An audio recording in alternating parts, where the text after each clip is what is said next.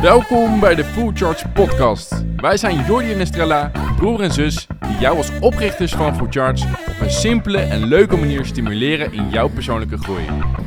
Want door dagelijks te groeien als persoon kun je beter omgaan met de uitdagingen die op je pad komen, zit je fysiek en mentaal lekker in je vel en ervaar je meer geluk op alle vlakken in het leven. Laat je inspireren en groei met ons mee. Welkom bij de Full Charge Podcast. En vandaag hebben we iemand te gast en dat is Judith Noordzij. Judith, je bent eh, online ondernemer. Ehm, we gaan het hier vandaag hebben over het stukje grens aangeven. Dat is zelf iets waar we met Full Charge nu op dit moment mee bezig zijn. Ehm, en jij hebt daar, ik denk dat het goed is om even jouw achterliggende verhaal eerst te behandelen en te vertellen. Ehm, waar kom jij precies vandaan eh, als het gaat om je beginnende carrière en waar je nu staat? Dan kom ik eh, van heel ver. Ja. Ehm, nee, dan, dan kom ik uit de, oorspronkelijk uit de advocatuur. Daar heb ik een burn-out gekregen. Eh, toen ben ik eh, twee jaar wel goed ziek geweest. En ehm, besloten daarna ook de advocatuur achter me te laten. Toen ben ik bij een start-up aan de slag gegaan. Nou, lang verhaal kort. Daarna al zeven jaar inmiddels weer zelfstandig ondernemer. Maar als je me vraagt waar kom je vandaan en wanneer kwam je er voor het eerst achter dat je grenzen moest leren aangeven, was dat in de advocatuur. ja. Ja. Want hoeveel jaar geleden is dat ongeveer? Dat je dus een beetje worstelde met, met jezelf, met, met dus ook grenzen aangeven? Ja, 2015 was dat. 2014, 2015. 2015. Ja. Ja, ja eigenlijk ehm, had ik het natuurlijk zelf pas... Ik, ik had het zelf veel te laat door. 2015 was het jaar dat ik echt het hele jaar ziek was. Ehm, want als je me dus vraagt wanneer was het jaar dat je niet goed je grenzen aangaf... was het dus 2014, Ja. 2013 en 2012 en na alle tijd daarvoor. Maar, is het dus al zo'n lange periode dat je al iets aan voelt komen? Nee, ik voelde niks aankomen, Nee. maar achteraf. Achteraf, als ik nu terugkijk op al die jaren, is het al, was het al mijn middelbare schooltijd, denk ik al. eh, ging het al mis. En denk ik dat het bij heel veel mensen... Kijk, een burn-out is natuurlijk het resultaat van dat je jezelf een periode over je grenzen bent gegaan. En ik ben het jaar voordat ik burn-out raakte wel heftig over mijn eigen grenzen gegaan. Maar ik ben namelijk daarna heel erg aan de slag gegaan met waar liggen mijn grenzen eigenlijk? Waar krijg ik energie van? Waar krijg ik geen energie van? En toen ik dat helder in kaart had gebracht, kwam ik erachter dat ik dus eigenlijk al die voorgaande jaren al over mijn eigen grenzen aan het gaan was. Ja. Voelde je op dat moment niet dat het gebeurde? In de zin van, hè, je hoort vaak dat mensen vermoeid zijn of veel onrust ervaren. Had jij dat ook? Ja. En dacht je, nou, het zal wel? Of hoe ging dat? Nee, ik was daar echt, ik denk echt blind voor. Hmm. En het, het is nu, we zijn natuurlijk nu in 2023 en het thema is echt wel, ja, het klinkt zo albollig, maar goed, in 2014 was dat anders, werd er echt minder over gepraat. Dus toen ik erop terugkeek, dacht ik, oh, er waren echt wel wat signalen. Want ik was veel chaotischer, emotioneler, vergeetachtiger. Ehm, sliep, eh, vooral de periode voorafgaand aan dat ik burn-out raakte, heel slecht. Dus er waren heel veel signalen. Alleen die kende ik niet. En daardoor herkende ik ze ook niet. En dacht ik gewoon, ja, ik ben een vakantie toe. Mm, ik denk dat Dus, dit heel ja. herkenbaar is, ja. Heel veel mensen hebben natuurlijk het idee van, ja, dat hoort erbij. Of Ja. het weekend laat ik wel op. Of, eh, Precies dat. Ja, En ik was natuurlijk ook wel gewoon heel druk. Ik had een drukke baan. Dus ik dacht, ja, dit hoort er gewoon bij. ja. Ja. En kon je er toen over praten op het werk? Nee, Helemaal niet. nee. Dat is eigenlijk gewoon het simpele antwoord. Ja. Nee. Ja. Ook omdat ik dat niet durfde hoor. Dus het is tweeërlei. Er was, was weinig ruimte. Maar ik durfde het ook niet. Want ik had die baan en die baan had aanzien. En mensen vonden het tof dat ik die baan had. Zowel vanuit, vanuit mijn vriendinnen als de, mijn collega's als vanuit familie. Ik ben nooit gepusht in die richting. Maar toen ik eenmaal advocaat op de Zuidas was, was het wel, kreeg ik wel heel veel lof. Hmm. Dus je wil, het enige wat je wil is laten zien dat het lukt. Ja, ja. en dat, is- dat is echt wat wij heel vaak horen van... Je doet iets en je krijgt daar waardering voor. En dan denk je zelf, Ja. ook, oké, dus ik doe nu wat moet of zo. Of wat, goed is. Mhm. Ja. Ja, En dat verergert dan eigenlijk, want je wil je nog meer laten zien hoe Ja. goed het gaat. Ja. En ergens is dat mega zonde, want ik geloof erin dat als ik op dat moment er veel meer over had kunnen praten en misschien ook meer ruimte daarvoor had gekregen en misschien ook wel meer, gewoon meer rust had, had gekregen, dat ik misschien nog veel beter in het werk was geworden en het dus uiteindelijk wel goed had kunnen blijven doen. Alleen doordat die ruimte er niet was en ik die ruimte ook niet nam, ja, is het gewoon, eh, ging het kapot. Ja, ja, ik weet dat er ook veel managers naar deze podcast luisteren. Op het moment dat jij, ehm, nou nog niet merkte dus, maar wel in ieder geval over je grenzen ging, waar had jij behoefte aan gehad op, vanuit het bedrijf? Kun je dat zeggen? Ja, mooie vraag. Nou, ik denk überhaupt gewoon bespreekbaarheid van dat je het veel vindt of zwaar vindt. Het hoeft niet meteen een enorm beladen onderwerp te zijn van, oh, ik ben al over mijn grens aan het gaan of, oh, ik denk dat ik overspannen word. Maar dat je het zou dus ook niet een, een, een afspraak moeten zijn die ik in zou moeten plannen omdat ik iets aanvoel, maar het zou een afspraak moeten zijn die er al staat. En in die maandelijkse afspraak zou ik het gewoon fijn hebben gevonden als ik had kunnen praten over, hey, trek je het werk? Weet je Ja. wel, gaat het goed? Vind, of vind je het misschien te veel? Waar loop je tegenaan? En dan kan het de ene maand een heel luchtig gesprek zijn, dat je denkt, ja, het gaat eigenlijk best wel goed. Maar dat je de ruimte voelt van, oh, ik trek het even niet meer. En dat je weet, oh, ik heb toch, toch weer dat gesprek staan. Ik kan dat zeggen.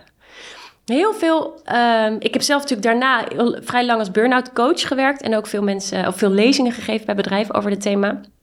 En heel veel leidinggevenden zeggen ja. ehm, maar had dan iets gezegd of had aan de bel getrokken. En die drempel is zo groot. En dat is geen verwijt naar die leidinggevende toe of naar dat bedrijf. Maar die drempel is gewoon te groot in het hoofd van degene die ermee zit. Dus die opening die moet er al zijn voordat de klachten komen. Je moet gewoon eigenlijk een soort van achter je bureau zitten met de wetenschap. Als ik het wat zwaarder heb, dan weet ik dat ik erover kan praten. Ik denk dat dat mij al heel erg geholpen had. Ja, puur ook een luisterend oor Ja. en dat er erkenning is voor Ja, wat je voelt. Precies. Ja, goeie tip. Ja, en dus wel twee kanten op. Hè? Dus vanuit de de leidinggevende of vanuit de organisatie breed eh, het, het kunnen toepassen en laten zien van hey, dit, het is onze cultuur om dat soort dingen bespreekbaar Ja, te maken. ja. En daarmee creëer je dus ook automatisch, denk ik zelf, dat gevoel naar medewerkers toe dat je erover kan praten. Ja, Dus, eh, ja, ja. ja, want het was toen, en ik weet trouwens dat dat op de, de, de, de sector waar ik vandaan kom helaas nog niet zo heel veel veranderd is. Maar dat was toen, ik weet wel, want ik was natuurlijk niet de enige die burn-out raakte daar. En dan kreeg je gewoon op de winnen wel, dan stuurde je een mailtje naar iemand van wie je zelf nog niet wist dat diegene een burn-out had. En dan kreeg je een out of office. En dan vroeg je gewoon even rond van, hé, hey, wat is er met die? En was het, oh ja, die zit weer ziek thuis. Er werd ook best wel denigerend over gedaan en verder niet over gesproken. Dus de schaamte was echt enorm, echt enorm. Ja, en wat was het moment voor jou dat het klaar was? Ja, dat was eigenlijk het, het, het moment.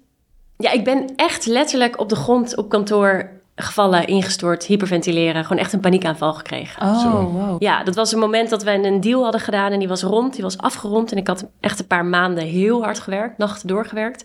En het zou die dag klaar zijn, dus daar was ik heel erg naartoe aan het leven. En ik wist, ik mocht zelfs op vrijdag thuis blijven. Dus ik mocht op vrijdag, zaterdag, zondag zou ik vrij zijn. Nou, dat, was, dat is een hele lange vakantie op zo'n moment. Ehm, dus daar leefde ik zo naartoe. En toen stond ik op donderdagmiddag dus mijn tas in te pakken. En toen kwam de partner voor wie ik werkte, kwam de kamer binnenlopen. Helemaal euforisch dat hij nieuwe, nieuwe zaak had binnengehaald. En helemaal blij. En we kunnen gewoon meteen weer door. Ga zitten. En toen kreeg ik error in mijn hoofd. Toen Ja. kreeg ik echt error. Toen ben ik gewoon op de grond gevallen, huilen, hyperventileren. Ja. Toen hebben ze me in een taxi gezet en toen ben ik nooit meer teruggekomen. Zo, Ja, wauw. Oké, intens wel, ja. Ja. Maar Ja. dat is dus soms ook echt nodig pas om ook anderen te laten zien, want Ja. het gaat gewoon echt niet meer. En jezelf ook natuurlijk. Ja, en mezelf ook hoor. Ja. Ja. Want ik had zelf echt niet door dat ik er zo aan toe was. Nee, nee. En vanuit daar ben je gekomen naar wie je nu bent. Als ik Ja. jou online zie, dan denk ik, jij hebt heel veel, heel duidelijk je grenzen. Je weet waar je behoeften liggen. Je doet Ja. waar jij happy van wordt.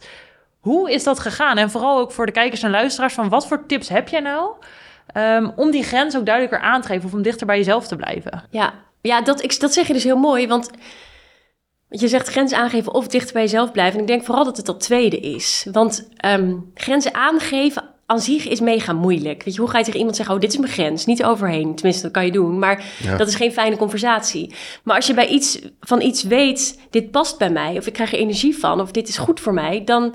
ehm, als je dat helder op je netvlies hebt, dan weet je dus ook waar, wat je in je leven wil gaan doen en wat je kan doen. En dan weet je ook wat niet bij jou past. En doe dat vooral niet of zo min mogelijk.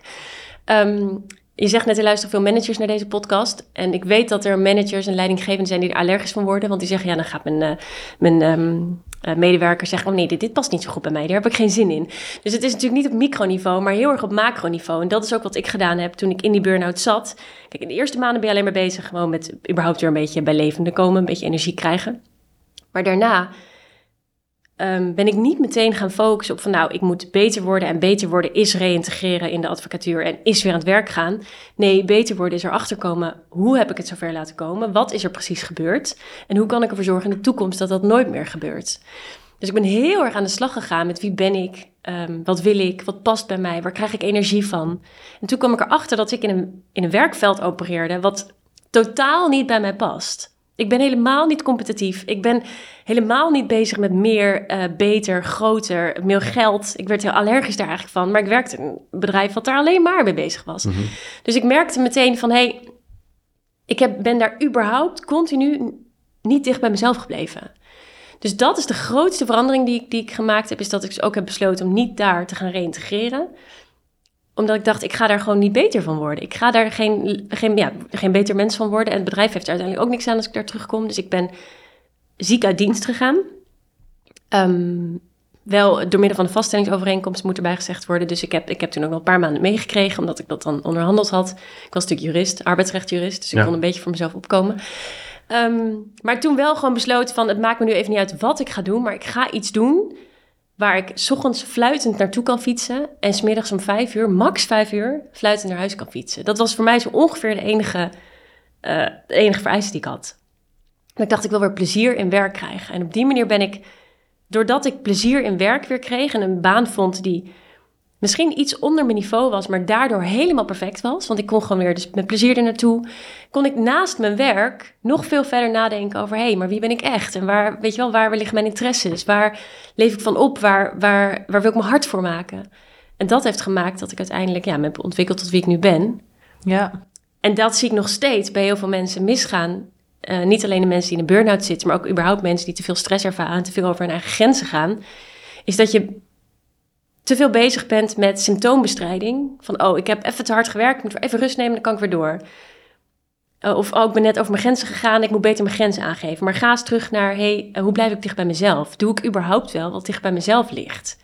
Want als je iets doet wat niet dicht bij jouzelf ligt, dan ben je eigenlijk continu over je grenzen aan het gaan. Ja, ja. En je zei net, hè, in de advocatuur kreeg je waardering van ook de mensen om je heen. Van, wow, wat goed dat je dat doet. Toen ben je dus iets anders gaan kiezen waarvan je zegt... Hè, eigenlijk misschien niet onder mijn niveau, maar ik voelde me er goed bij. Hoe reageerden de mensen in je omgeving daarop? Ja, heel wisselend. Heel wisselend. Ja. Ehm, vooral in het begin. Toen zeiden, er zeiden zelfs mensen, zei ik, oh, ik ga daar aan de slag en ik ga dat doen. En dan zeiden ze, oh, maar dat, je, weet je dat wel zeker? Dat zeg je nu waarschijnlijk omdat je ziek bent. Wauw. Ik dacht, oh, wauw. Ja. Terwijl het, ik heel helder had van, nee jongens, ik wil weer aan het werk. Ik wil geld verdienen. Dus ik, weet je wel, ik, en ik wist gewoon, ik ga hier plezier hebben. En dit hoeft niet mijn droombaan te zijn voor de komende 40 jaar. Maar ik wil gewoon weer leuk aan het werk gaan. Maar nee, er, waren, er werd heel wisselend. Ik zeg nu wel wisselend. Ja, er werd wisselend op gereageerd, maar weinig positief. Ook vanuit familie. En dat bedoelen ze natuurlijk... Ik weet dat het allemaal vanuit liefde komt. Maar zij dacht, ja, je bent advocaat. Je hebt rechten gestudeerd. Je hebt bij dat kantoor advocaat geweest. En nu ga je bij een start-up als HR-assistent aan de slag. Ehm, is dat wel een verstandige keuze?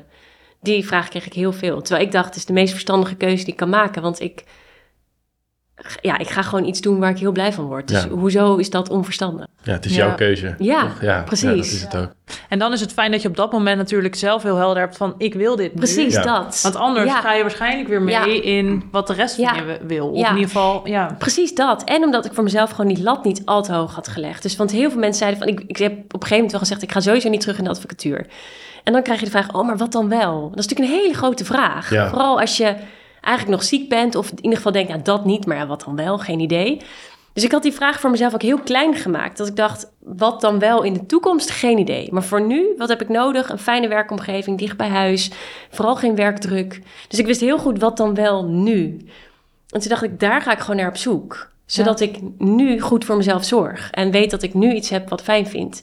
En daar ben ik uiteindelijk twee jaar blijven hangen. En ik ben super blij dat ik daarmee ga werken. Want ik heb daar, ja, ben mezelf nog beter leren kennen. Ik heb heel veel plezier gehad in werk. Dus ik ben erachter gekomen dat dat ook gewoon kan. Dat je echt op Oh ja. maandagochtend met plezier naar je werk kan fietsen. ja. Ehm, dus ja, het is voor mij de beste stap ever geweest. Ja, en het klinkt wel alsof je toen, op het moment dat je die keuze maakte, heel zelfverzekerd was. Hè? Van dit wil ik nu en ik vind dit nu belangrijk. Mhm. Is dat dan wat je toen geleerd hebt door coaching of door gewoon heel veel tijd met jezelf eh, te nemen? Of hoe is dat gegaan? Ja, want daar wil ik ook wel even op inzoomen. Zijn dat dan hele specifieke opdrachten die je zelf hebt uitgezocht of die je aangeboden hebt gekregen? Want ik denk dat het heel erg belangrijk is voor mensen om daar meer over te weten te komen. Ja. Wat doe je dan in zo'n fase? Goeie vraag. Nee, dat heb ik eigenlijk. Dat, dat zit gewoon een beetje in mij wel. Ik denk namelijk ook dat ik met dezelfde toewijding in de advocatuur ben beland. Omdat ik gewoon op een gegeven moment had besloten: eh, ik moet die kant op. Eh, ik, doe nu rechten. En eh, als ik gewoon hoge cijfers haal, kan ik advocaat worden. En dat is een toffe baan. En, dus ik ben dezelfde toewijding ben ik advocaat geworden. Tot ik er dus achter kwam van ik heb daar nooit over nagedacht. Past dit bij mij? Dus ik ben in mijn burn-out, vooral de tweede helft, zeg maar, dat ik dus iets minder heftig ziek was. Ehm, heel, ik ben alleen maar eh, moodboards, vision boards gaan maken voor mezelf. Van hey, waar krijg ik überhaupt... Ik, ik kende mezelf niet meer. Ik dacht, waar krijg ik eigenlijk energie van? Wat, wat zijn... Het klinkt zo simpel, maar het heeft mij onwijs geholpen. dat ik echt met allemaal tijdschriften ging zitten en gewoon een enorm moodboard ging maken. En ik dacht, oké, als ik nu iets zie en denk, hey, leuk. Dus dat mocht een outfit zijn of een quote of een plaatje, plak ik het op. Om gewoon eens mezelf te leren kennen en te zien van, hé, hey, wat, waar leef ik eigenlijk van op? En toen kwam ik er bijvoorbeeld heel snel achter dat ik heel blij werd van de natuur. Toen dacht ik, oh, dat weet ik ook eigenlijk wel. Alleen je hebt het allemaal zo ver weggestopt. Dus ik toen werd dat bijvoorbeeld ook een eis voor mij en mijn, mijn, nieuwe baan. Dat ik dacht, ik wil genoeg tijd hebben om s of s avonds een wandeling te maken. Dus op die manier ehm, ben ik echt op ontdek. Ik noem het altijd een beetje een ontdekkingstocht. Ik ben op ontdekkingstocht gegaan naar mezelf. Want ik zijn wel eens mensen van ja, hoe heb je jezelf weer gevonden? Nou, ik denk niet, ik was niet kwijt, dus ik hoefde mezelf niet te vinden. Maar ik moest mezelf weer opnieuw leren kennen. Um, ik heb heel veel vragen gesteld van wat vind ik eigenlijk belangrijk in het leven? Hoe wil ik dat mensen, als ik dood ben, op mij terugkijken? Dat is een hele stomme vraag misschien, maar het is eigenlijk een hele belangrijke vraag. Ja. Want we zijn nu ons leven aan het leven, niet later, maar nu. Dus, dus je kunt nu al bijdragen aan hoe mensen op jou terugkijken als je er niet meer bent. Dus daar was ik, toen dacht ik, ja, ik wil, ik wil mijn steentje bijdragen. Ik wil mensen geholpen hebben. Ik wil helemaal niet bedrijven, rijke bedrijven nog rijker gemaakt hebben, want dat doet me eigenlijk helemaal niks. Dus door dat soort vragen aan mezelf te stellen, kwam ik er wel beter achter wie ik dus ben en wat ik wil. Mooi. Lekker praktisch ook die vragen. En inderdaad, zo'n moodboard. Ik, ik, toen je dat ook omschreef, zag ik je helemaal... Ik zag gewoon die, het bos voor je. ja. allemaal quotes en bos inderdaad en dieren. Dat ik dacht, ja, als dit, is, als dit dus is waar ik blij van word... Nou, in het leven wat ik tot mijn 27e leidde, deed ik niks daarmee. Niks. Dus ja, dan, toen dacht ik, ja, dan gaat er iets helemaal mis. Ja, ja. dan maak je natuurlijk in één keer heel helder voor jezelf. Ja, ja. ja. Mooi. En toen ging je dus werken. Je hebt er twee jaar gewerkt. En vanuit daar had je toen zoiets van, nou, ik heb mezelf weer beter leren kennen. En, en nu? Ja, het was eigenlijk twee kanten. Ik was, en ehm, toen ik in mijn burn-out zat, had ik een Instagram-pagina aangemaakt. Helemaal niet met het idee om volgers te krijgen, maar Instagram bestond net, of tenminste was net een beetje opkomend. En ik zat thuis bij mijn ouders, want ik woonde eerst in Amsterdam, maar ik was even bij mijn ouders gaan wonen. Toen dacht ik, oh, dat is handig, dan kan ik af en toe een foto uploaden en dan kunnen mijn vrienden zien hoe het met me gaat. Dus dat deed ik. En toen, dat was Instagram. Ja, dat was Instagram, precies, ja. en uh, toen groeiden mijn volgers best wel snel. Dat nog, ik weet nog wel dat een vriendin nog zei van... oh, je moet even op privé zitten, want nu kunnen allemaal mensen zien wat je post. En ik dacht, hé, hey, nee, maar ik vind het eigenlijk wel leuk... want ik krijg opeens van iemand die ik niet ken een reactie... wat goed dat je dit zegt. Dus dat vond ik, vond ik leuk. Dus toen merkte ik van, hé, hey, ik vind het leuk om hier te delen. Dus ik ben daar blijven delen. En ik ging dus als een HR-medewerker aan de slag bij die start-up.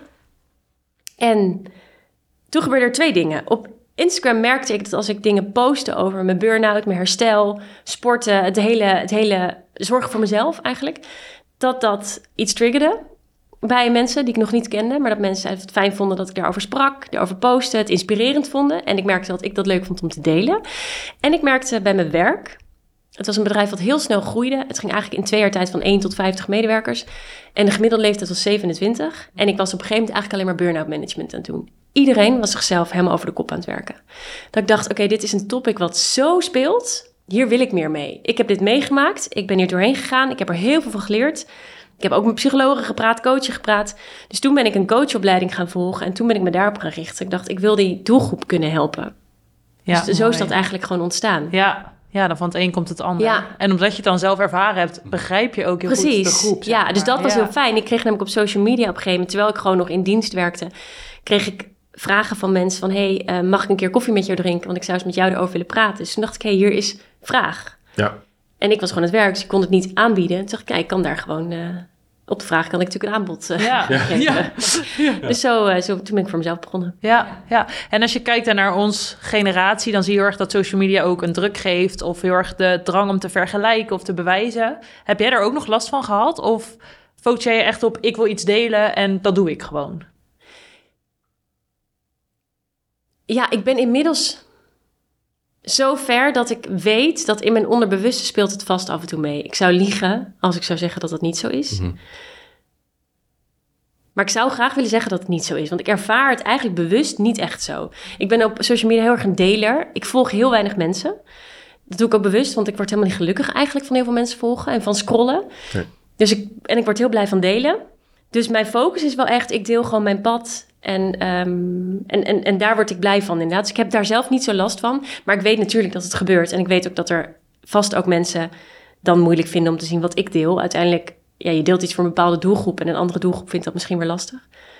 Social media blijft een haatliefde uh, verhouding. Ja, ja. Bij mij en bij iedereen, denk ik. Ja, ja, dat zeggen wij ook wel altijd. Want je kan er ook inspiratie mee Ja, geven, ik- maar het triggert mensen ook. Ja, Ik, ik heb zelf, ik heb mijn, ik heb mijn hele carrière eraan, tenminste deze carrière er helemaal aan te danken.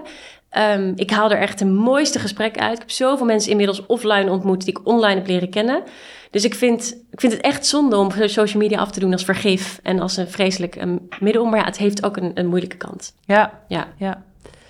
En als we dan kijken naar veel mensen die, die starten of beginnen met food charts, die eh, herkennen zich denk ik heel erg in de symptomen die jij in het begin al een beetje noemde. Dus het slechte slapen, het harde werken, een stuk bewijsdrang. Zijn er nog meer dingen waarvan jij nu achteraf zegt, daaraan had ik het kunnen herkennen? Ook voor mensen om misschien bewust te worden van, hé, hey, maar misschien ga ik ook wel te ver. Ja. Ja, het is echt wel best wel een, een, lijstje wat heel herkenbaar is voor heel veel mensen, denk ik. Of tenminste voor mensen die dus in die fase zitten en die ze allemaal af kunnen vinken.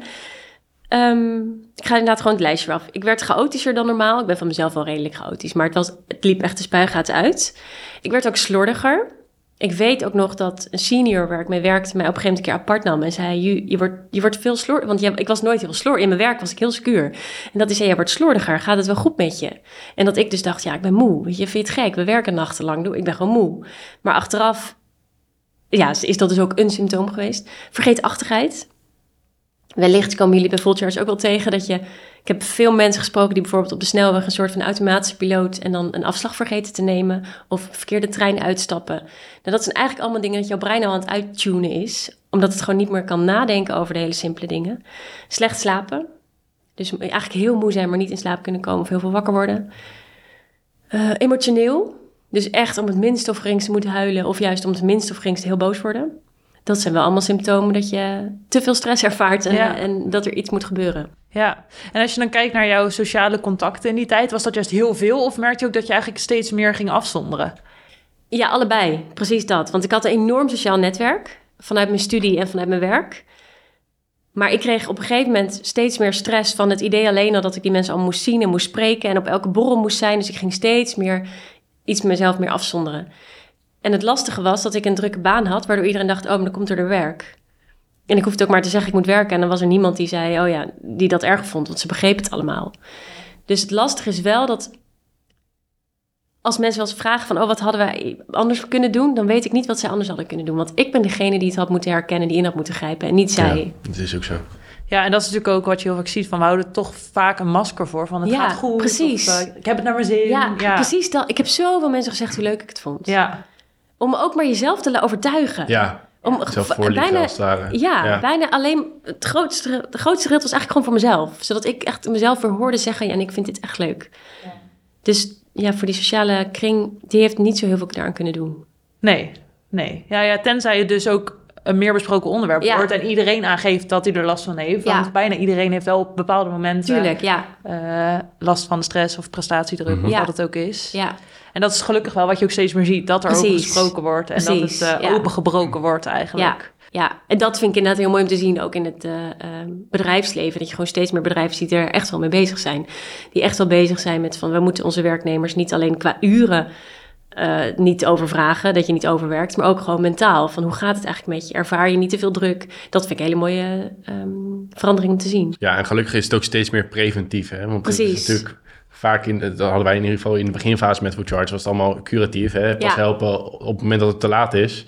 Ehm, maar daar zit denk ik ook een vraag in van, wat zijn nu dingen die je na, na die periode nu preventief doet om ervoor te zorgen dat je nooit meer terugkomt naar, naar die fase, naar die plek waarop Ja. het allemaal te veel voor je werd. Ja, hele mooie vraag. Dat Ja. vind ik echt een te gekke vraag. Want dat is inderdaad het allerbelangrijkste uiteindelijk. Kijk, herstellen lukt wel. Ehm, meerdere dingen.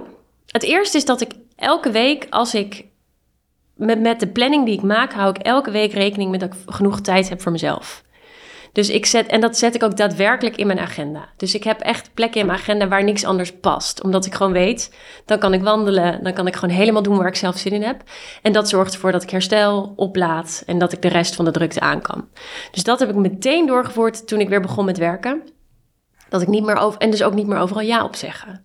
Want ja, dat, dat is dat, ja, dat komt, hangt dan eigenlijk mee samen. Op het moment dat je agenda al vol is met een afspraak met jezelf, dan past er ook geen afspraak meer met iemand anders. Dus dat was het eerste. Um, het tweede is, bij alles wat je doet, en in het begin, dat klinkt misschien een beetje zwaar en heftig, en op een gegeven moment gaat het automatisch, maar wel nadenken, doe ik dit voor mezelf, doe ik dit voor iemand anders? daarmee wil ik niet zeggen dat je nooit iets voor iemand anders moet doen. Mhm. Maar in die end, vooral qua werk, eh, doe je het toch voor jezelf. We doen het allemaal voor onszelf. En ehm, dus op het moment dat je iets ziet staan in je agenda, dat je gewoon eigenlijk bij jezelf te raden gaat, waarom staat dit hier eigenlijk? Staat dit er omdat ik vond dat ik ja moest zeggen? Of omdat ik echt ja wilde zeggen? Of omdat iemand anders gewoon ja voor mij heeft gezegd? En daarin is het ook weer belangrijk dat dat dus met elkaar in balans is. En dat de, de hoofdmoot, of de, de, ja, de, de, hoofd, de boventoon voert. Dat jij zelf iets doet omdat jij de intrinsieke motivatie eh, voelt daarvoor. Ja. Ehm, en, en, en dat leidt, is niet alleen op werk trouwens, dat, dat, is, dat leidt ook naar het sociale leven, naar je privéleven. Je kunt in het weekend tegen je, je moeder en je schoonmoeder en, en alle verjaardagen en alles allemaal ja zeggen. Maar zit jij dan op zondagavond relaxed op de bank? Ben je dan blij met hoe je weekend eruit zag? Als dat antwoord nee is, dan moet je toch even bij jezelf te raden gaan, hoe kan ik dit anders inrichten? Dus daar ben ik heel erg op gaan letten. Er, er heeft ooit iemand tegen mij gezegd, je bent egoïstischer geworden na je burn-out. En ehm, egoïstisch heeft, vind ik, een negatieve lading. Maar het antwoord is denk ik wel ja. En ik denk dat het helemaal prima. Ik denk dat als iedereen dat zou doen... en we daar open en eerlijk met elkaar over zouden zijn... dat het helemaal geen probleem is. Want ik zou het helemaal niet erg vinden als, als een familielid tegen me zegt... ik kom niet op jouw verjaardag, ik, ik trek het even niet, ik zit vol. Of ik wil gewoon even een moment voor mezelf. Helemaal prima. Maar omdat we daar, daar nog niet echt open en eerlijk met elkaar over praten... Ja. schaam je, zeg je het niet... en gaan we over onze grens heen. Ja. Ja, mooi. Ja, Ja, Dus er ook als we het ja. inderdaad wel zouden aangeven, dan op de momenten dat je met elkaar bent, kun je er ook echt zijn, weet je wel? En Precies, niet eh, precies half, dat. eh, half Ja. leeg, zeg maar. Ja. Ja. Ja. Ja, en dan ten derde is nog dat je bij jezelf dus de signalen goed herkent. Want ook ik heb het natuurlijk, ik bedoel, ik leef niet nu opeens een perfect leven, nooit meer te druk of nooit meer te veel jagen. Natuurlijk, doe ik ook. Ehm, maar ik herken de signalen bij mezelf ook heel goed. Dus ik weet ook gewoon van, hé, hey, ik ben over mijn grens gegaan. Dan kan ik ook terugkijken. In, ik zet alles in mijn agenda, ook privéafspraken dus en alles wat ik doe, zodat ik ook terug kan kijken en kan zien van, hé, hey, waar is het dan precies misgegaan? En dan zie ik dat. Dus dan weet ik gewoon van, oh, ik moet komende week daar even rekening mee houden. Dus dan, en dan weten van jezelf waar je dan wel energie van krijgt. Of dat nou sporten is, of, of dat eh, voor de televisie hangen is. Doe vooral waar je zin in hebt, maar dat je gewoon weet hoe je in moet grijpen. En dan ehm, durf ik met zekerheid zeggen dat ik nooit meer een burn-out krijg. Ja. Mooi. Nou, ja, dat, eh, drie mooie dingen. Zeg je Ja. zelfverzekerd. Ja, Ja, maar dat is ook mooi. En ik denk ook wat jij nu net aan had, dat dat super belangrijk is van sta ook stil en kijk terug. Hè? Ja. En het is niet ergens te- weer een keer wel eroverheen bent Helemaal gegaan. niet. Maar zie het weer als learning voor de week daarna. Precies. Ja. ja. Ja, en over het plannen van jouw week gesproken. eh, ik doe dat ook altijd. En mensen zijn altijd benieuwd van hoe doe je dat? Waar doe je het? Online? Fysiek? Hoe doe jij dat? Ja, op papier. Ja, Ja, echt op papier. Ik heb wel een online agenda waar ik gewoon de afspraken in zet. Maar ook daarin al heb ik dus wel blokken. Dat zijn standaard dezelfde blokken die rood zijn, omdat het gewoon eigen tijd is. Ja. En eh, voor de rest doe ik het altijd op papier. Ik plan op papier mijn week, zodat ik echt kan zien van hoe ziet mijn week er eigenlijk uit. En ehm, dus ja, dus ik, dus ik doe dat dus tweeërlei. Ik heb een online agenda en een papieren weekplanner. ja. Leuk, ik ook. Helemaal leuk. Ja. ja, is toch fijn. Ik vind ook papier altijd, heb je gewoon het overzicht. Heb gewoon overzicht, ja. Ook omdat je dan aan het opschrijven bent en dan denkt... hé, hey, dit heb ik onhandig gepland. Weet je wel zo. Terwijl het soms in die online agenda denk je... oh, allemaal blokjes van Ja. een half uur. Terwijl zo werkt het in het leven niet altijd. En Nee. soms zit je gewoon een kwartier voor je uitstaan. Dat moet ook kunnen. Precies. Dus ehm, ja, op die Ja. manier. Ja, goeie. En ik zie jou heel vaak 's ochtends of 's middags lekker lang wandelen. Eh, heb jij ook voor jezelf gedurende de dag vast momenten dat je zegt... dan laat ik op of ik start mijn dag op deze manier... waardoor ik opgeladen dag start. Bepaalde routines die Ja. voor jou heel goed werken? Ja, absoluut. Ja, sporten en wandelen. Dus ik eh, sta op, dan ga ik sporten... En daarna ga ik wandelen. En ik weet Oh, dat het een heel luxe routine is. Ja. Maar dat is zelfstandig ondernemer, kan je dat voor jezelf creëren. Ja. Maar ehm, ja, want ik heb, ik heb twee honden. Dus Ja. dat is eigenlijk heel fijn, want ik moet wel wandelen. En soms heb je dan eens een drukkere dag en dan wandel ik wat korter, maar ik wandel altijd. En wandelen is, eh, ja, ik ben een soort wandelinfluencer geworden inmiddels, maar ik, de wandelen is gewoon de bom. Ook al ga je maar een kwartiertje, even naar buiten, geen niet iets in je oren. Ik mag van mezelf ook pas de tweede wandeling van de dag een podcast luisteren of zo. Dus, want dat is heel interessant, maar dat is toch weer prikkels voor je Ja, brein. klopt. Ja. Dus de eerste wandeling van de dag zonder iets in mijn oren.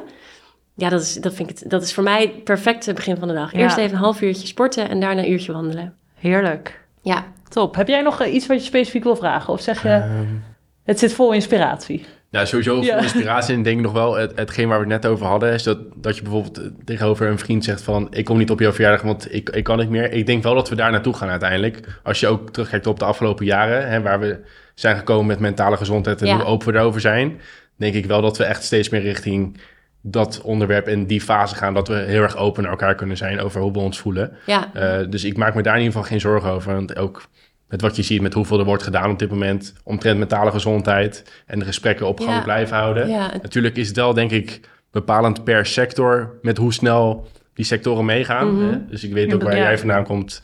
Ja, wij hebben ook met partijen gewerkt eh, die daar iets terughoudender in zijn. Ja. Eh, maar ik verwacht wel uiteindelijk in, het- in het algemeen dat, dat, eh, dat het goed gaat komen. Dat we steeds meer open naar elkaar kunnen zijn Ja. eh, Ja. en onze grenzen kunnen aangeven. ja. Ja, en juist door, hè, stel jij, jij doet het ook, dat inspireert natuurlijk ook weer anderen van, oh ja, dat Ja. kan ook. En misschien in het begin denken ze, nou, komt ze weer niet. ja. Maar op een gegeven Ja. moment... Ja, en het, het fijne is ook, het is echt niet dat ik nergens bij ben. Nee. Maar ik, voordat ik ja zeg, denk ik altijd gewoon eerst even na. Hé, hey, past dit wel? En word ik hier echt wel blij van? Mhm. en, en je zult dan ook merken dat je wordt misschien ook wat selectiever in waar je, met wie je überhaupt om wil gaan en waar Ja. je wil zijn. Want mijn sociale kring is aanzienlijk kleiner geworden. Ja. Ehm, en daar kon ik in het begin wel een beetje verdrietig van worden. Maar in die end, als ik nu kijk naar hoe mijn leven eruit ziet, denk ik, het is gewoon perfect. Want de mensen met wie ik afspreek, daar krijg ik dus ook energie van. Dat vind ik fijn om hen te zien.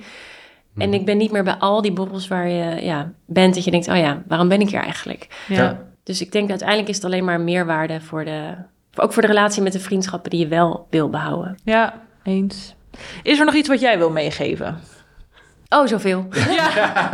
Een hele Ja. grote vraag. Ja, maar misschien één ding nog dat je zegt, dat is in ieder geval wat ik wil benoemen. Nee, het allerbelangrijkste wat ik echt wil benoemen is praat hierover met elkaar. Dat is echt het allerbelangrijkste. Zowel dus eh, werkgever, werknemer of leidinggevende tot, eh, tot medewerker als, als in de privésfeer. Want ook echt in die privésfeer. Een burn-out is gewoon niet het gevolg van alleen maar te hard werken. Het is, het is veel te veel eh hooi op je vork nemen. Gewoon sociaal en op werk. Ja. privé en op werk. Dus ik denk het allerbelangrijkste dat je gewoon met, hierover, met elkaar hierover praat. Dat als je deze podcast hebt geluisterd en denkt, wow, dit is een interessant thema, dat je eh, vanavond of volgende week als je met vrienden zit, dat je gewoon eens zegt van, hé, hey, ik luister zo'n interessante podcast. Hoe kijken jullie er eigenlijk tegenaan? Dat je gewoon het gesprek openbreekt. Ja. Of dus op werk, gewoon met collega's aan de lunchtafel. Dat je gewoon zegt, hé, hey, ik hoorde iemand zeggen, ja, je moet nee zeggen tegen een verjaardag. Wat vinden jullie hiervan? Maar praat er gewoon eens over. Zodat, ja, zodat je ook van elkaar...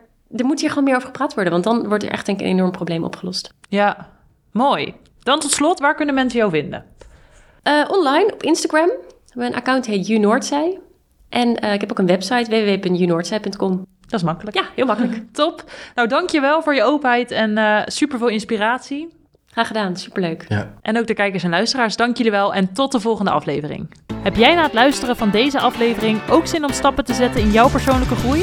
Ga dan naar foodcharge.nl voor alle informatie over de Foodcharge app. Hiermee leg je dagelijks de focus op jezelf en werk je actiegericht aan hetgeen waar jij nu in wilt groeien.